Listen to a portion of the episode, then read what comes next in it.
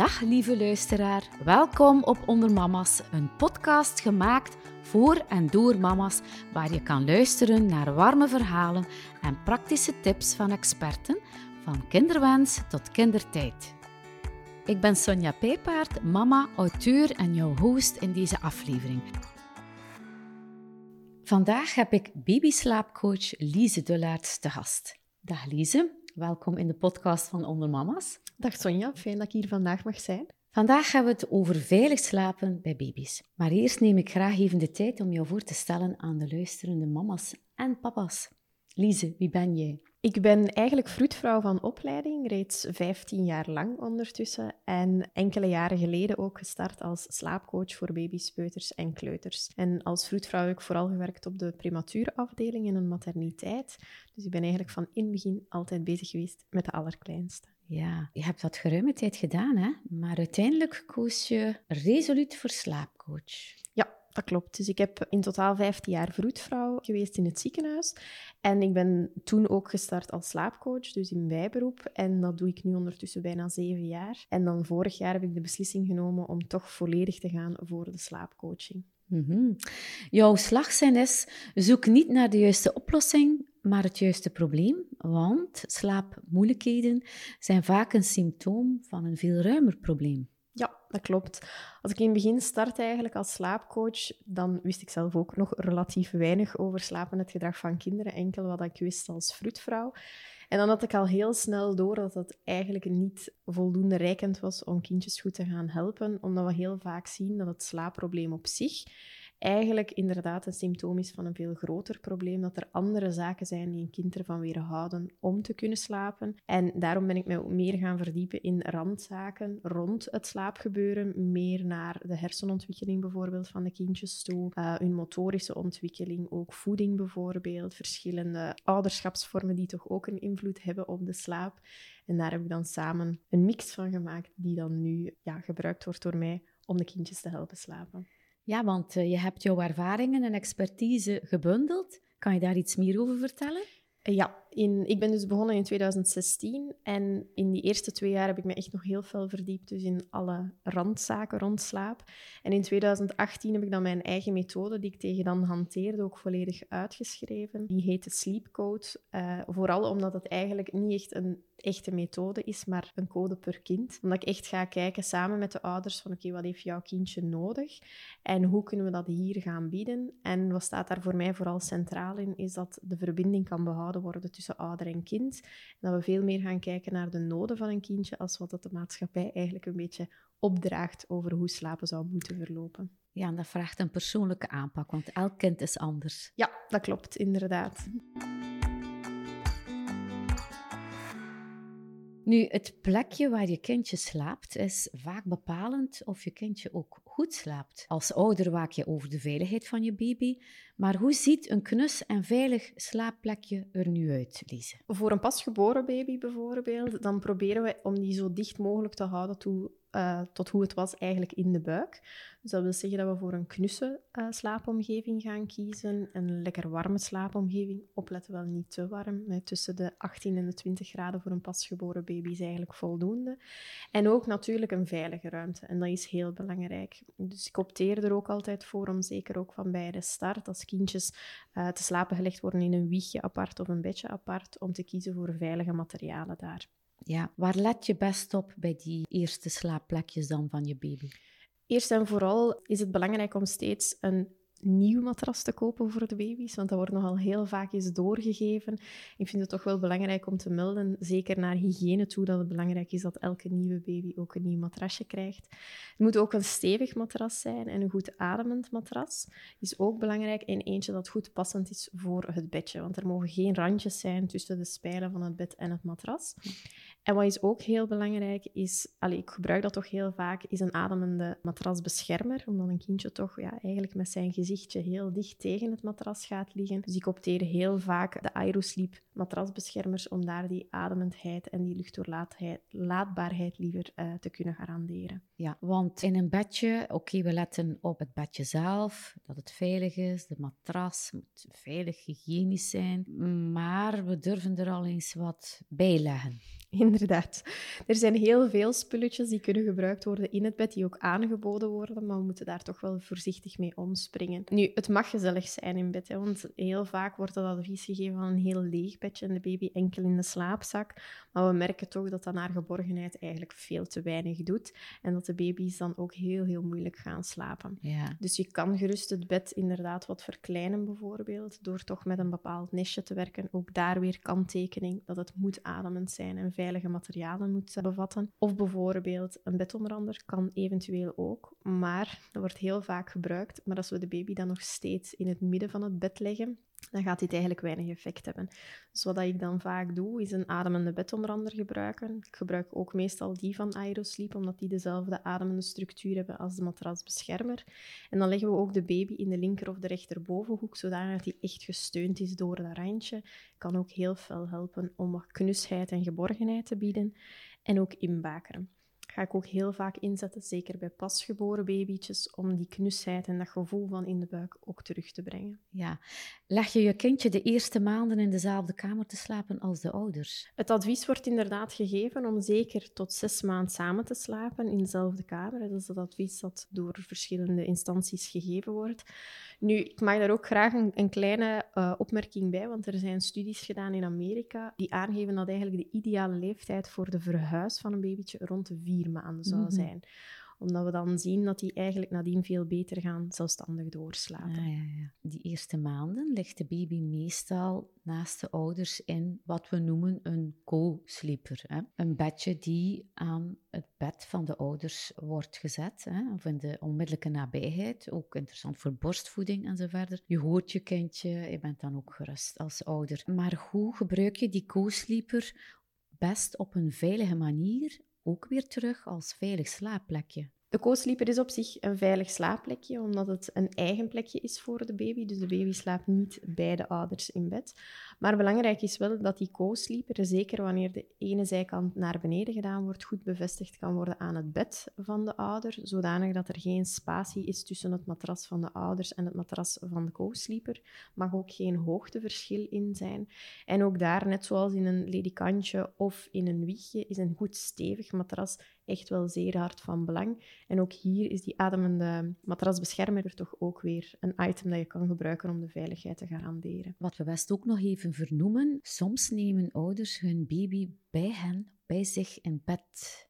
Ja, hoe sta jij daar tegenover? Op zich kan dat als er rekening gehouden wordt met verschillende veiligheidsmaatregelen. En die zijn wel belangrijk. Het is bijvoorbeeld gekend dat het onveilig is om samen te slapen als ouders medicatie nemen, bijvoorbeeld roken of alcoholgebruik hebben gehad in de periode voor het gaan samenslapen. Maar het is bijvoorbeeld ook heel belangrijk dat een baby niet onder de dekens van de ouder kan terecht geraken, want zo'n dik groot donsdeken is eigenlijk veel te warm en veel te zwaar voor zo'n babytje. En heel vaak, als er samengeslapen wordt, ligt de baby tussen beide ouders. En eigenlijk is dat de minst veilige slaapplek. Het is beter dat de baby aan de buitenzijde van het bed ligt, liefst aan mama's zijde. En dat mama eigenlijk in een maternele houding gaat liggen. Wat wil zeggen op de zij liggen, met de benen opgetrokken en de arm onder het hoofdkussen, zodanig dat de baby eigenlijk tegen de buik en de borst van mama kan liggen en ook nergens naartoe kan gaan. Ja. Maar dan moeten we natuurlijk zeker zijn dat die baby ook daar niet onder de dekens geraakt. Dus er zijn toch wel ja, ja, ja, en het omrollen dan tijdens de slaap van de ouders, terwijl dat je het niet weet en zo. Dus er is toch wel wat... Uh... Er zijn zeker wat uh, veiligheidsmaatregelen waar dat we rekening moeten mee houden. Ja, ja. Nu, wat heeft een baby na de geboorte echt nodig voor een goede nachtrust? Hoe kunnen we ervoor zorgen dat de slaapomgeving ook een veilige omgeving is. Eigenlijk heeft een baby van bijgeboorte alles meegekregen om te kunnen slapen. Dus zij worden geboren met alle radartjes die zij nodig hebben. Dat ontwikkelt wel in de eerste maanden. Maar in theorie kan elke baby slapen als omstandigheden het toelaten. Hm. En die omstandigheden zijn dus zeer belangrijk. We merken heel vaak dat een goed donkere omgeving vooral belangrijk is voor een babytje, omdat ons slaaphormoon aangemaakt wordt in het donker en niet in het licht. Mhm. Ehm, maar ook bijvoorbeeld een rustige slaapomgeving, wat dat niet wil zeggen dat ze moet stil zijn. Maar ik gebruik heel vaak wat witte ruis, omdat het ook in de buik absoluut niet stil was. En dat brengt de baby ook wel weer wat terug naar het gevoel van de buik. Zoals dat we al gezegd hebben, een goed veilig matras, een goed veilige matrasbeschermer ook is belangrijk. En als je materialen gebruikt om het wat knusser en gezelliger te maken, dat we daar toch ook veilig gaan kiezen. En zoals ik daar straks ook zei, het inbakeren bij een jonge baby is toch wel iets wat we heel vaak als slaapcoaches gaan aanraden. Eigenlijk kunnen we zeggen dat we ervoor zorgen dat er een ademende matras, we zorgen voor een ademende matrasbeschermer, we zorgen voor een ademend hoeslaakje. Dus dat is toch wel iets wat heel belangrijk is. Hè? Ja, Zeker in het kader van wiegedood, daar zijn heel veel studies over gedaan. Je had vroeger de dikke veren matrassen die absoluut niet luchtdoorlatend waren, die vaak ook helemaal niet pasten aan het bedje. Maar het is echt heel belangrijk als een babytje gaat slapen, dat die luchtdoorlaatbaarheid en die luchtcirculatie daar is voor die goede ademhaling te blijven garanderen. En dat is vooral waar dat de producten van Aerosleep dan ja, echt wel helpend zijn, omdat zij ook met die honinggraadstructuur liever die doorlaatbaarheid kunnen garanderen. Ja, want uh, een warmte regulatie of helpen bij de warmteregulatie van een baby is toch wel ook een belangrijk uh, Absoluut, gegeven, zeker en vast. En dat is ook de reden waarom dat bij het samenslapen dan onder het donsdeken en op een volwassen matras vaak niet zo veilig is en dat het dus beter is om toch op een babymatras met een ademende matrasbeschermer te gaan slapen. Ja.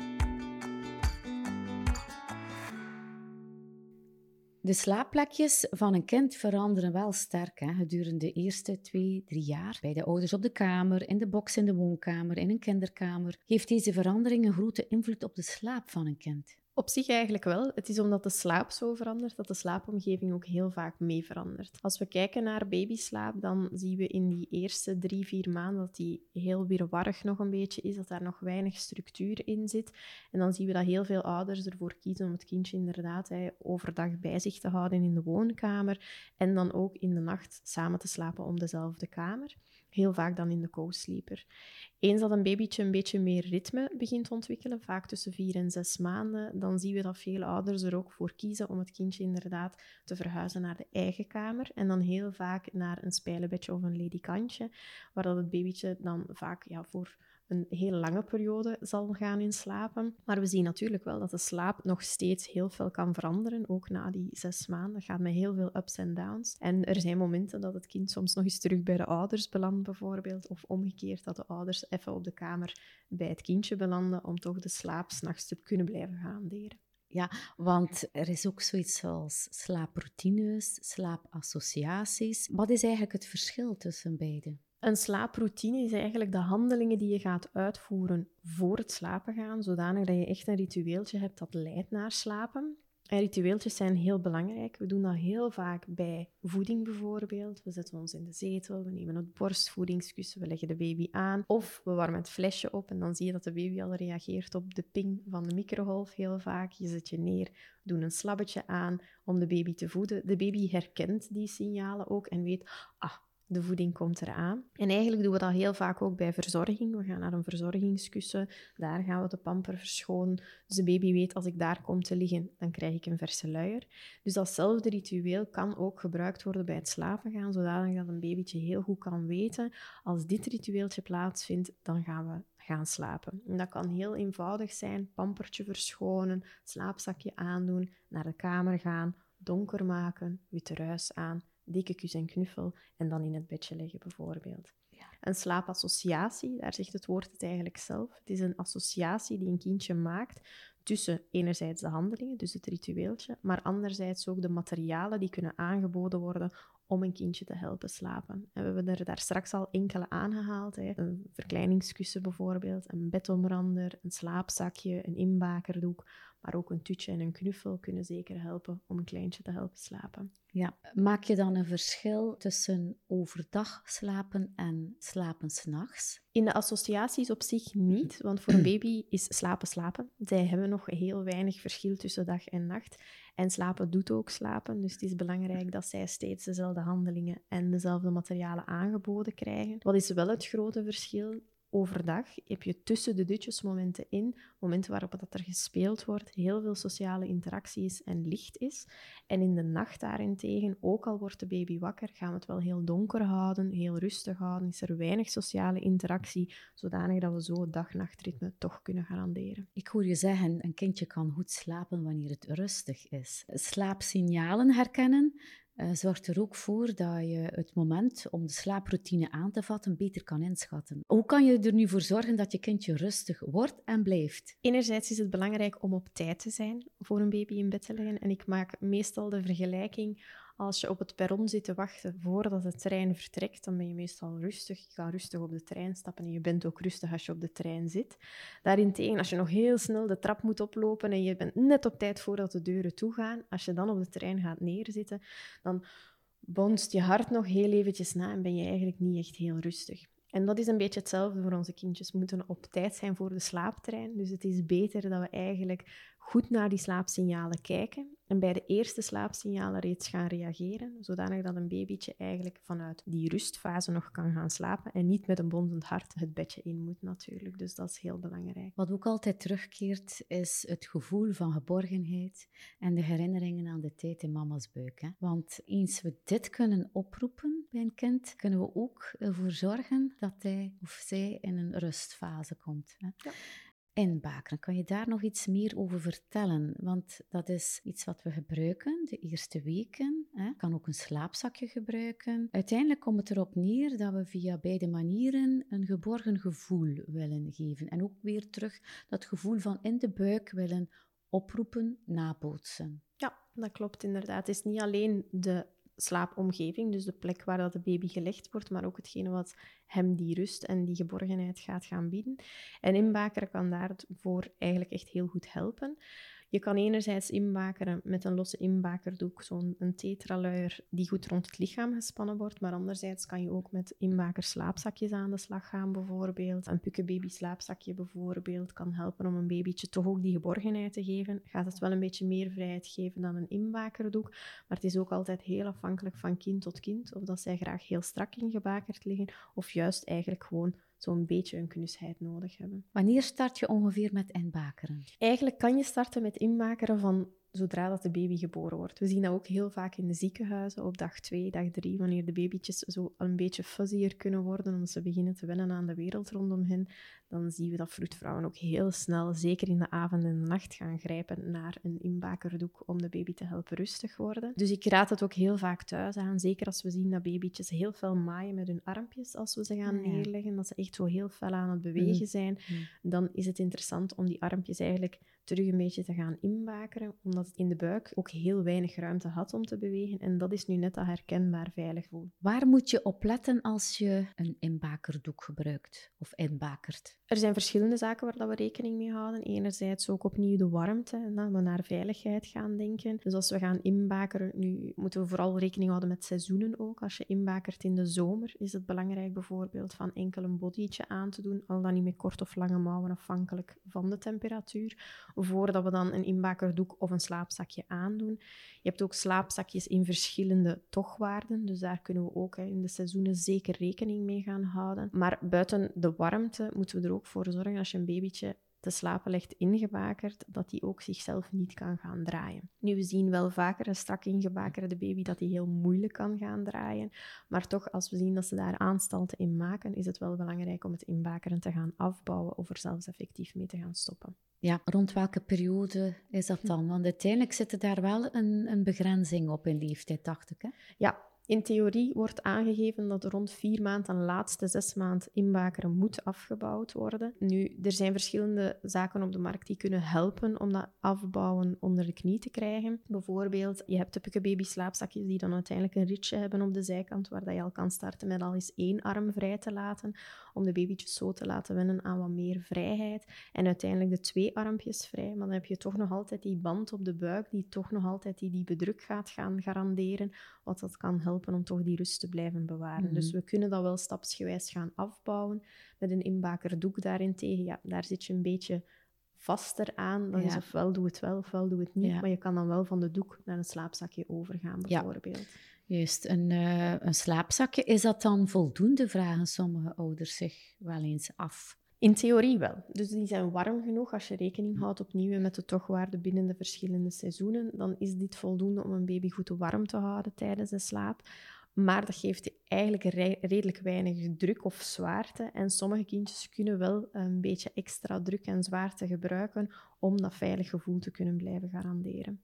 En zorg je daar dan voor een dekentje bijvoorbeeld? Kan dit dat helpen oplossen? Er zijn inderdaad heel wat dekentjes op de markt die al relatief zwaar zijn op zich. Die, kom, die kunnen inderdaad voor babytjes die vrij rustig zijn ervoor zorgen dat ze vlot kunnen in slaap vallen. Maar andere baby's hebben toch wat meer echt die druk nodig om te kunnen in slaap vallen. En diepe druk is iets wat we een beetje kennen eigenlijk vanuit de ouderenzorg, waar dat we verzwaringsdekens gebruiken om ons parasympathisch zenuwstelsel aan te sporen om tot rust over te gaan. Want dat zorgt ervoor dat we hormonen aanmaken die ons helpen rustig worden, die ons helpen in slaap vallen en in slaap blijven. Maar een verzwaard teken mogen we niet gebruiken voor babytjes of jonge kinderen. En daar zijn ondertussen ook wel wat opties voor op de markt. Je hebt enerzijds het um, diepe druk lakentje. Dat is eigenlijk gewoon een uh, band met rekstof die ring rond het matras geplaatst wordt, die druk geeft op het bovenlichaam van de kindjes, maar wel de beentjes vrij laat om te bewegen, wat dat heel belangrijk is voor de heupontwikkeling. Dat kan gebruikt worden van bij geboorte al, maar heel vaak gebruik ik het eigenlijk bij het afbouwen van het inmaken, om toch die geborgenheid en die druk nog een klein beetje te garanderen. En eens dat kindjes nog een beetje ouder worden bijvoorbeeld, kan er zelfs overgegaan worden naar een slaaptunneltje. En dat is dan een rekstof die echt het volledige laken betreft, dat ring rond ook het matras gaat. Maar dat geeft dan druk over het hele lichaam. Maar mhm. hiervoor moet een babytje al zeker 18 maanden zijn, zodanig dat hij ook sterk genoeg is om daar van onder te kruipen of zich te kunnen draaien. En dan boven de twee jaar kan effectief een verzwaringsdekentje gebruikt worden. Mhm. Hoe sta jij tegenover een babynestje? Wat is dat en is het een veilige keuze? Een babynestje is eigenlijk een dun matrasje met een randje rond, hè, dat een beetje het gevoel geeft van die geborgenheid uh, in de buik. Nu, een babynestje, er zijn heel wat babynestjes op de markt, dus ook daar weer spreek ik met ouders vaak hun gezond verstand een beetje aan, dat we gaan kijken van oké, heeft dit ademende materialen, kan dit veilig gebruikt worden? Er is een hele periode geweest dat babynestjes zelf gemaakt werden. En die zijn eigenlijk absoluut niet veilig om te gebruiken. Die waren met zo'n trekkoordje om dat dan ook mooi in een nestje te vormen. En dat was eigenlijk heel gevaarlijk om in te slapen. Wanneer dat de randjes van een nestje openstaan en de materialen zijn ademend, kan je het op zich relatief veilig gebruiken, want het is nog altijd onder toezicht te gebruiken en niet zomaar alleen op de kamer. Ja. Bestaan er alternatieven voor een babynestje? Ik gebruik heel vaak, zeker bij babytjes die goed kunnen beginnen bewegen, die zich goed kunnen draaien, die goed kunnen rondkruipen in hun bedje, eerder een bedomrander. En dan ga ik wel voor die ademende bedomranders van Aerosleep. Zijn ook heel stevig, zijn een beetje stugger vaak dan de andere slaap, bedomranders liever. Maar dat maakt ook dat ze veiliger zijn, omdat een baby die niet over zich kan trekken. Maar zoals dat ik al vertelde, dan is het belangrijk van die bedomrander ook te gebruiken zoals een nestje en dat je de baby er ook effectief gaat tegenleggen.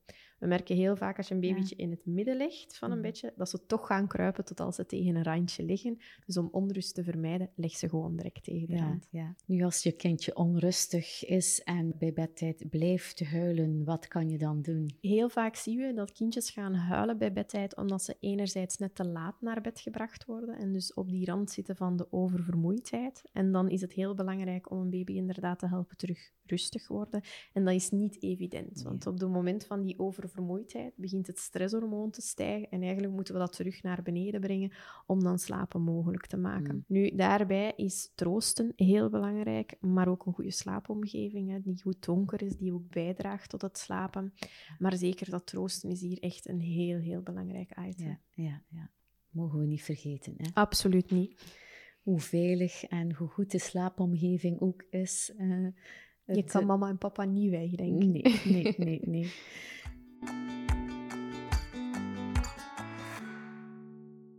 Nu, kindjes houden dus van routine, duidelijke herhalingen, die gaan uh, doorheen de dag helpen hè, om de wereld beter te begrijpen. Hoe kan je daar als ouder rekening mee houden? Ik probeer eigenlijk de dag heel vaak een beetje volgens een bepaalde flow of een structuur op te bouwen. Niet dat deze op uur staat, maar wel dat er eigenlijk doorheen de dag wat dezelfde routines zichzelf gaan afwisselen. Wat wil zeggen dat we een ochtendroutine gaan aanhouden die duidelijk aangeeft dat de dag start. We maken licht, we doen de rolluiken omhoog, we doen de gordijnen open, we spreken de babytjes aan, zodanig ze weten, oké, de nacht is voorbij, de dag start. We maken ze ook effectief klaar om de dag te starten. Even opfrissen, kleertjes aandoen, een eerste voeding geven. En dan heb je een speelmomentje of een wakker moment.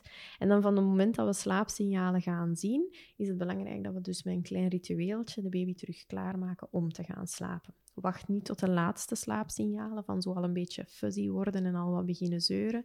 Maar kijk goed naar de slaapsignalen. Als een babytje zich begint weg te draaien van zijn speelgoed, begint met de armen en de benen wilde rond te slaan, begint al wat meer te kraaien bijvoorbeeld, in de oogjes te wrijven, heel typerend aan de oortjes te trekken of in het haar te friemelen. Dat zijn zo wat de eerste signalen. Dan is het belangrijk van dan het ritueeltje eigenlijk te gaan starten. En dan na het ritueeltje de baby inderdaad met kus en knuffel in bed te leggen zou het heel moeilijk zijn bijvoorbeeld om de baby daar te laten alleen slapen, is het helemaal oké dat de ouder ook aanwezig blijft om de baby dan heel even te troosten, al dan eerst nog op de arm en nadien ook in het bed. En dan wanneer dat die wakker wordt, gaan we weer het ritueeltje opnieuw gordijnen open, opnieuw ervoor zorgen dat we naar een lichte speelruimte gaan, waar er weer interactie is. En dat herhaalt zich eigenlijk doorheen de dag verschillende keren. En dan voor bedtijd is het ritueeltje dat we overdag gebruiken voor het slapen gaan gewoon iets uitgebreider. Dan probeer ik er heel vaak ook een badje in te verwerken, omdat een badje, net zoals inbakeren en de dekentjes dat we besproken hebben, ook een vorm van diepe druk is. En dat gaat het lichaam ook relaxeren. En dan inderdaad de baby pyjamaatje aandoen. Misschien ook eerst een pampertje, heel belangrijk. Het slaapzakje of de inbakerdoek naar de kamer gaan. En dan neem ik ook altijd nog een langer momentje voor dat we gaan slapen. Kan een verhaaltje gelezen worden, kan een liedje gezongen worden, even knuffelen, kusje, en dan ook terug weer het bed in. En doordat eigenlijk die routine zich overdag al herhaalt, is het ook fijn voor de baby om in de avond goed te herkennen, ah oké, dit is hier hetzelfde, dus is veel gemakkelijker om mee te gaan in de slaap dan. Ja, komt de slapen dus zeker ten goede. Absoluut. Dat je dit ook al overdag eigenlijk op dezelfde manier de routines uh, uitwerkt of uitbouwt. Er kunnen al wel eens veranderingen zijn hè, uh, tijdens de dag en het verloop kan er eens anders uitzien. Hoe voed je dat dan in de slaap van je kind? Dat voel je vaak heel fel. Hè. Babytjes zijn letterlijk gewoontediertjes. Dus hoe saaier de dag en hoe repetitiever dat die verloopt, hoe veiliger dat zij zich voelen. Baby's kunnen de klok niet lezen, dus als er een repetitie zit in de dag, er zit een bepaalde flow, geeft hun dat een, een houvast en een bepaalde vorm van veiligheid en zekerheid. En als die plots wegvalt, dan zijn ze echt ontredderd en dan zie je dat het stresshormoon veel meer gaat stijgen. En als dan nog eens die scheiding bij slapen er zit aan te komen, dan zie je dat ze soms wel echt helemaal uh, in overdrijf kunnen gaan. Ja, ja. Dus er kan wel eens een, een, een reden zijn van uh, een overdagroutine die niet goed is verlopen of zo om dan uh, die nachtrust of die slechte nachtrust te verklaren. Ja, absoluut. Als je ziet bijvoorbeeld een, soms een verjaardagsfeestje in de crèche bijvoorbeeld, of in de opvang, een, een dagje op uitstap geweest, veel bezoekjes bijvoorbeeld, kunnen soms wel voldoende zijn om de baby eigenlijk volledig uit zijn routine te halen. Ja. Om inzicht te krijgen in de slaap van je baby en eh, die ook beter te begrijpen, is het ook interessant om te weten hoe een baby zijn of haar start neemt in het leven. Waarom is dat zo belangrijk voor de slaap? We weten eigenlijk al uh, zeker 20, 30 jaar dat de zwangerschap, zowel als de manier waarop een baby geboren wordt, ook een invloed heeft op het stresssysteem van een babytje. En zoals dat we daar straks al zeiden, een baby hoort rustig te zijn om te kunnen slapen. Dus als dat stresssysteem enorm getriggerd wordt, dan wordt het veel moeilijker om te kunnen slapen. Dat wil zeggen bijvoorbeeld langdurige stress tijdens een zwangerschap of piekmomenten tijdens de zwangerschap zorgen ervoor dat de baby in de buik ook de stresshormonen van mama doorkrijgt, waardoor dat zijn stresssysteem gaat denken oh, ik moet opletten, want de wereld buiten de buik lijkt mij nogal hè, heftig te zijn. Dus ik weer er mij al een beetje tegen en het stresssysteem gaat al een beetje meer getriggerd staan. Hetzelfde bij een moeilijke geboorte of een, een moeilijke bevalling bijvoorbeeld, zien we eigenlijk hetzelfde. De baby komt in stress te staan, waardoor het stresssysteem getriggerd wordt. En dat kan ervoor zorgen dat een baby nadien ook veel, veel vaker gaat huilen, veel moeilijker tot rust kan komen en veel meer nood heeft aan nabijheid. Mhm. Welke slaapfasen bestaan er en hoe hoe verandert de slaap van je kind tijdens die eerste twee, drie jaar? Het verandert enorm. Heel veel ouders hebben het gevoel, vandaag weet ik het en morgen is het weer al helemaal anders. Het is inderdaad zo dat de slaap enorm evolueert. Zo de eerste drie, vier maanden zien we zeer veel verschillende slaapjes, korte afgewisseld met lange slaapjes. En dan tussen vier en zes maanden gaan we stilaan over naar een patroon van een goede drie tot vier vastere dutjes per dag. Dat verandert dan rond de 6 à 8 maanden naar een tweetal dutjes per dag. En dan tussen de leeftijd van een goede 14, 15 tot 18 maanden ten laatste gaan we over naar één dutje per dag, dat dan wel aanhoudt vaak tot twee jaar en een half à drie jaar. Maar dus er is heel veel verandering op die eerste twee jaar. En ook elke verandering zorgt er terug voor dat een baby opnieuw moet aanpassen, moet wennen, dat soms slaapomgevingen moeten aangepast worden, dat het plots weer wat moeilijker gaat in de nacht. En dan hebben we nog niet gesproken over de slaapregressiemomenten en de groeisprongen die daar dan nog eens tussen verweven zitten. Dus uh, het is best wel pittig, die eerste twee jaar. Nu, als we even het aantal uren slaap onder de loep nemen. Hè? Natuurlijk is het verschillend van kind tot kind, elk kind is anders. Maar we gaan van ongeveer een 18 uur na de geboorte tot, als we dan spreken, twee, drie jaar tot een goede 14, 15 uur over 24 uur. Dan over 24 dus, uur, met dutjes uh, en begrepen. Hè? Ja, inderdaad. Dus eigenlijk kunnen we zeggen dat een kind toch wel heel lang vertoeft in zijn ja, diverse slaapplekjes, omgevingen. Hè? Absoluut. Enerzijds, de nacht is lang voor een baby. Wij slapen gemiddeld tussen 6 en 8 uur. Een baby slaapt al heel gemakkelijk tussen de 10 uur en half en de 12 uur. Dus dat is al een heel stuk langer. Vandaar dat die goede, veilige slaapomgeving echt van belang is. En in het begin doen zij ook overdag, zeker tussen de 4 en 6 uur, nog aan dutjes. En tegen de leeftijd van 2 jaar gaat dat dan vaak over naar een uur en een half tot 2 uur overdag. Maar toch, ja, ze slapen daar toch wel heel, heel vaak. Ja, ja. Nu, zijn die stoorzenders van de slaap en die ervoor zorgen dat er dan zo regressie optreedt en zo. Maar er zijn ook gezondheidssignalen of problemen die ervoor zorgen dat eh, een, een baby of een kind moeilijker slaapt. Absoluut. Eentje daarvan is krampjes bijvoorbeeld bij de jonge baby's. Dat kan hun al heel snel uit de slaap gaan halen. Nu krijg ik daar heel veel vragen rond, rond krampjes. En we zien dat dat heel vaak een piek heeft tussen 6 en 8 weken. En dat het dan stilaan ook wel wat begint af te nemen. Eén, dat de darmflora wat meer op gang is. Maar je kan een babytje daar wel in helpen. Want bijvoorbeeld inbakeren gaat dan heel goed helpen om in die rust te bieden. Maar ook bijvoorbeeld een schuinhellend matras kan ook gaan helpen. Daarvoor kan je bijvoorbeeld naar het Aerosleep premium matras gaan, dan kan je verplaatsen van een vlak vlak naar effectief een schuine matras, wat dat kan helpen om de krampjes wat te gaan verminderen. Kan ook gebruikt worden bij babytjes bijvoorbeeld met reflux, om iets schuiner te slapen, wat ervoor zorgt dat de maaginhoud gemakkelijker in de maag gaat blijven. Het is niet sluitend, maar het kan zeker helpen. En dat is ook iets wat veel baby's uit de slaap haalt natuurlijk. Maar je hebt ook bijvoorbeeld de typische krijgen van de tandjes, die zeer, zeer vervelend kan zijn in die eerste twee jaar. En heel vaak gecombineerd met tandjes en ook vaak met reflux zijn midden-oorontstekingen. Ja. En die zijn ook enorm vervelend, en heel, heel pijnlijk. En ook daar weer is dan een schuin matras iets wat dat wel helpend kan zijn. Mhm. Ja, dus eigenlijk hebben we al heel wat mogelijkheden, Lise, om ons kindje te helpen goed te slapen. Hè? Absoluut. Als we hiermee rekening houden met al jouw tips en tricks, ik denk dat ouders al heel wat uh, verder staan dan. Hè?